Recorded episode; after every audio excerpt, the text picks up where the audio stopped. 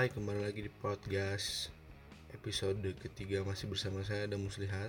Kali ini kita masih membahas IMA Monster Energy Supercross uh, yang sudah masuk round 3 dan masih di Houston, Texas. Masih di NRG Stadium. Balapannya sangat seru dan terjadi drama di lap terakhir balapan yang menyebabkan gagalnya Ken Roxon menjadi juara di round ketiga ini. Seperti yang kita tahu di round ketiga ini uh, Cooper Webb berhasil menjabat uh, podium pertama. Namun biar lengkap uh, seperti biasa kita bacain dulu posisi 1 sampai posisi 10 kelas 450 cc main event. Oke, di posisi pertama ada Cooper Webb dari KTM Red Bull Factory Racing. Di posisi kedua ada Ken Roxon dari HRC Honda. Di posisi ketiga ada Adam Cianciarulo dari Monster Energy Kawasaki Factory Racing. Posisi keempat ada Justin Barcia dari TLD Red Bull Gas Gas Factory Racing. Posisi 5 ada Eli Tomac dari Monster Energy Kawasaki Factory Racing. Posisi ke-6 ada Malcolm Stewart dari Monster Energy Star Yamaha Racing. Posisi ke-7 ada Aaron Plessinger yang juga dari Monster Energy uh, Star Yamaha Racing. Posisi ke-8 ada Jason Anderson dari Rockstar Energy Husqvarna Factory Racing. Posisi ke-9 ada Zack Osborne dari sama juga dari Rockstar Energy Husqvarna Factory Racing dan di posisi ke-10 ada Justin Brayton dari Mark of Honda Racing Team. Ya itu dia posisi 1 sampai 10 di round ketiga Houston Texas NRG Stadium. Sebenarnya balapan dari mulai drop gate sampai finish itu terhitung stabil untuk posisi 1 2 3. Jadi nggak ada perubahan posisi yang saling take over terus yang saling susul ganti-ganti posisi nggak uh, terhitung konstan dari drop gate sampai finish. Nah kalau balapan yang agak ramai sebenarnya yang ngerebutin posisi 4 ada Justin Barcia, ada Eli Tomac, ada Malcolm Stewart itu lumayan saling susul-susulan tuh apalagi Justin Barcia sebenarnya sempat jatuh di sand section di di bagian yang banyak pasirnya dia sempat jatuh tapi bangun lagi dan malah berhasil finish di posisi keempat.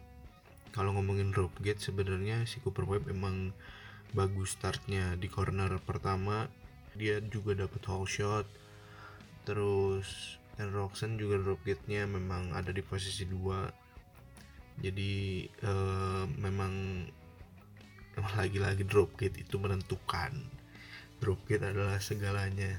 Uh, dan ya Cooper Webb dan Ken Roxanne uh, konsisten sampai finish di posisi 1 2 uh, terus Eli Tomac juga sebenarnya drop gate-nya bagus cuman dia agak ngelebar sedikit.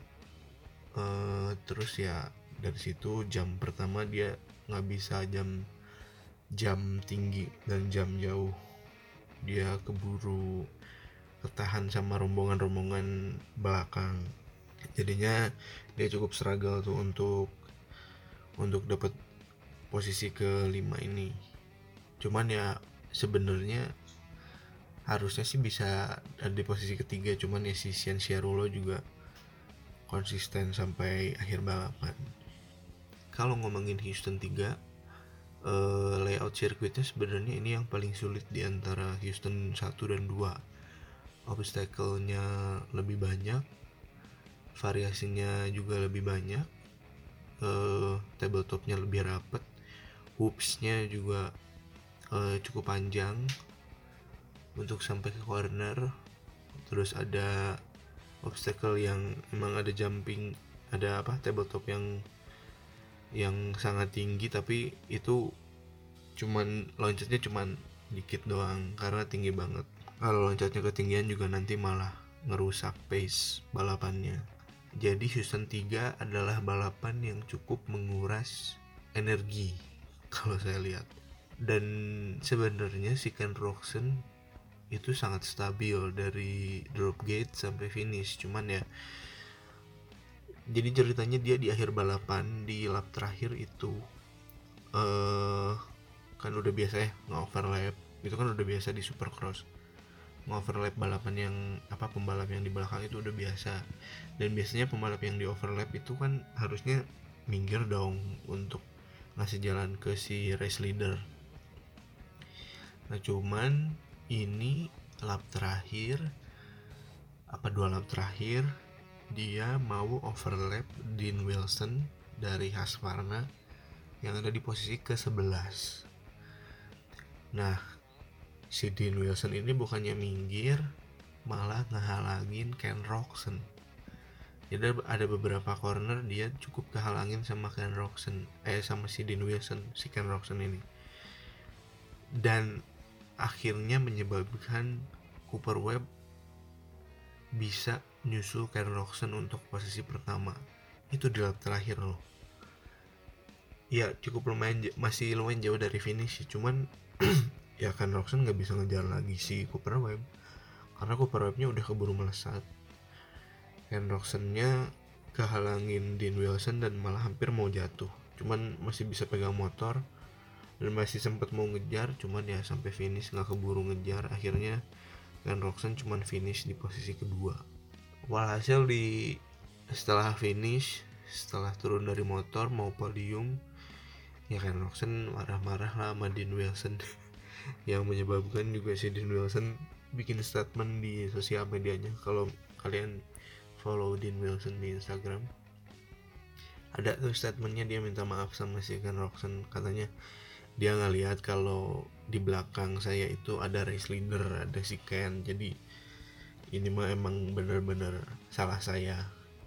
Saya nggak mau jadi pembalap yang kayak gini lagi ke depannya gitu gitulah si Ken Roxon juga sebenarnya pas finish pas mau podium dia bete kayak ki marah-marah sama Dean Wilson. Cuman cuman dia juga ngebales statement si Dean Wilson di Instagram malah kata si Ken Roxon Dean and I are cool. Jadi ya mereka baik-baik aja nggak apa-apa. Dan si Ken Roxon juga sepertinya mengikhlaskan karena ya sudah terjadi. Cuman ngomong-ngomong kita udah dapet tiga pemenang dari tiga round Supercross ini nih round pertama kan pemenangnya Justin Garcia round kedua ada Eli Tomac round ketiga si Cooper Webb ini jadi ini adalah musim yang sangat tidak tertebak ya gimana kita bisa memprediksi siapa yang paling konsisten, siapa yang bisa jadi juara. Itu kayaknya akan sulit sampai akhir musim. Cuman kan sekarang posisinya si Ken Roxon ada di pemuncak klasemen karena dari raihan poin dia memang eh, nggak keluar dari lima besar. Dari tiga round ini dia nggak keluar dari lima besar sehingga dia bisa memuncaki klasemen meskipun belum pernah menang dari tiga round ini jadi winsnya 0 tapi dia pemuncak klasemen dan akan menggunakan red plate tanggal 30 nanti di Indianapolis dan lagi-lagi loh ya saya ini kan saya sempat bilang di episode pertama bahwa Ken Roxon itu kalau misalnya emang fit emang konsisten ya dia bener-bener bisa jadi pembalap yang sangat cepat.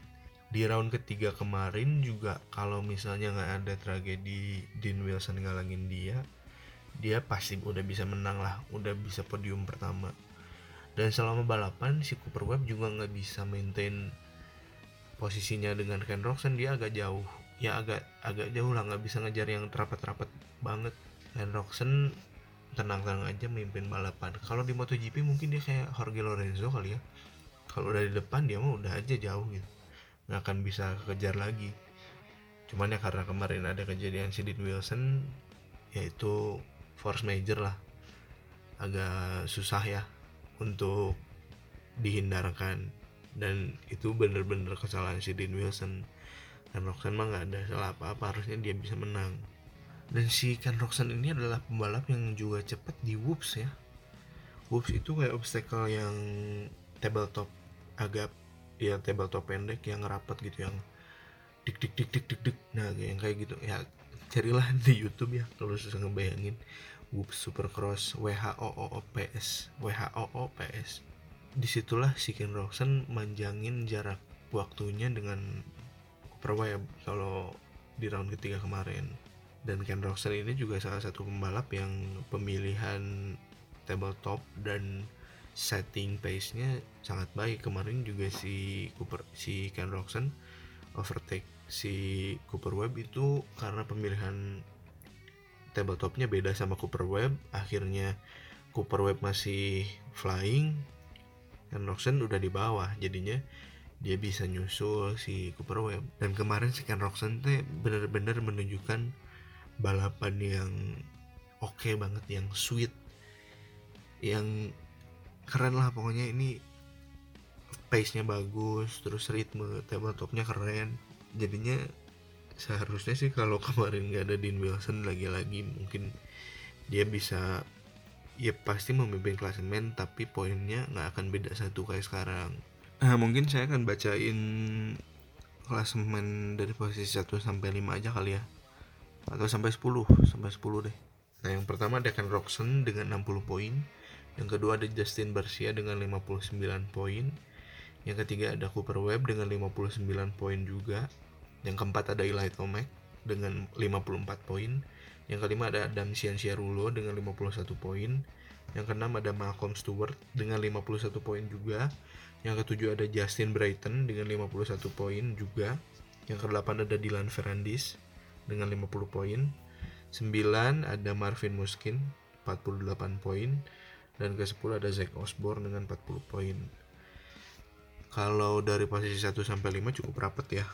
Cuman beda 9 poin dari posisi 5 ke posisi 1. Jadi kalau misalnya nih Adam Cianciarulo menang ke 1 di Indianapolis Ken Roxon misalnya ada di posisi 5 ya mungkin bisa tukeran tuh ada Mission Cirulo bisa pegang red plate di Indianapolis 2 udah dulu kali ya karena yang dibahas sebenarnya cuman drama si Ken Roxon dan Dean Wilson. Itu highlight balapan kemarin sih sebenarnya. Jadi cukup menegangkan lah di akhir-akhir balapan. Kalau yang mau nonton replay mungkin bisa cari di YouTube tapi kameranya videonya video amatir carilah sendiri di YouTube udah dulu untuk episode kali ini terima kasih banyak yang sudah mendengarkan uh, episode selanjutnya mungkin akan bahas dulu balapan yang lain ya gimana nantilah ya Sekali lagi terima kasih banyak sudah mendengarkan. Sampai ketemu di episode selanjutnya. Bye bye. Selamat datang di Podcast Season 1. Sebuah podcast yang membahas serba-serbi dunia balapan, mulai dari Formula One, MotoGP,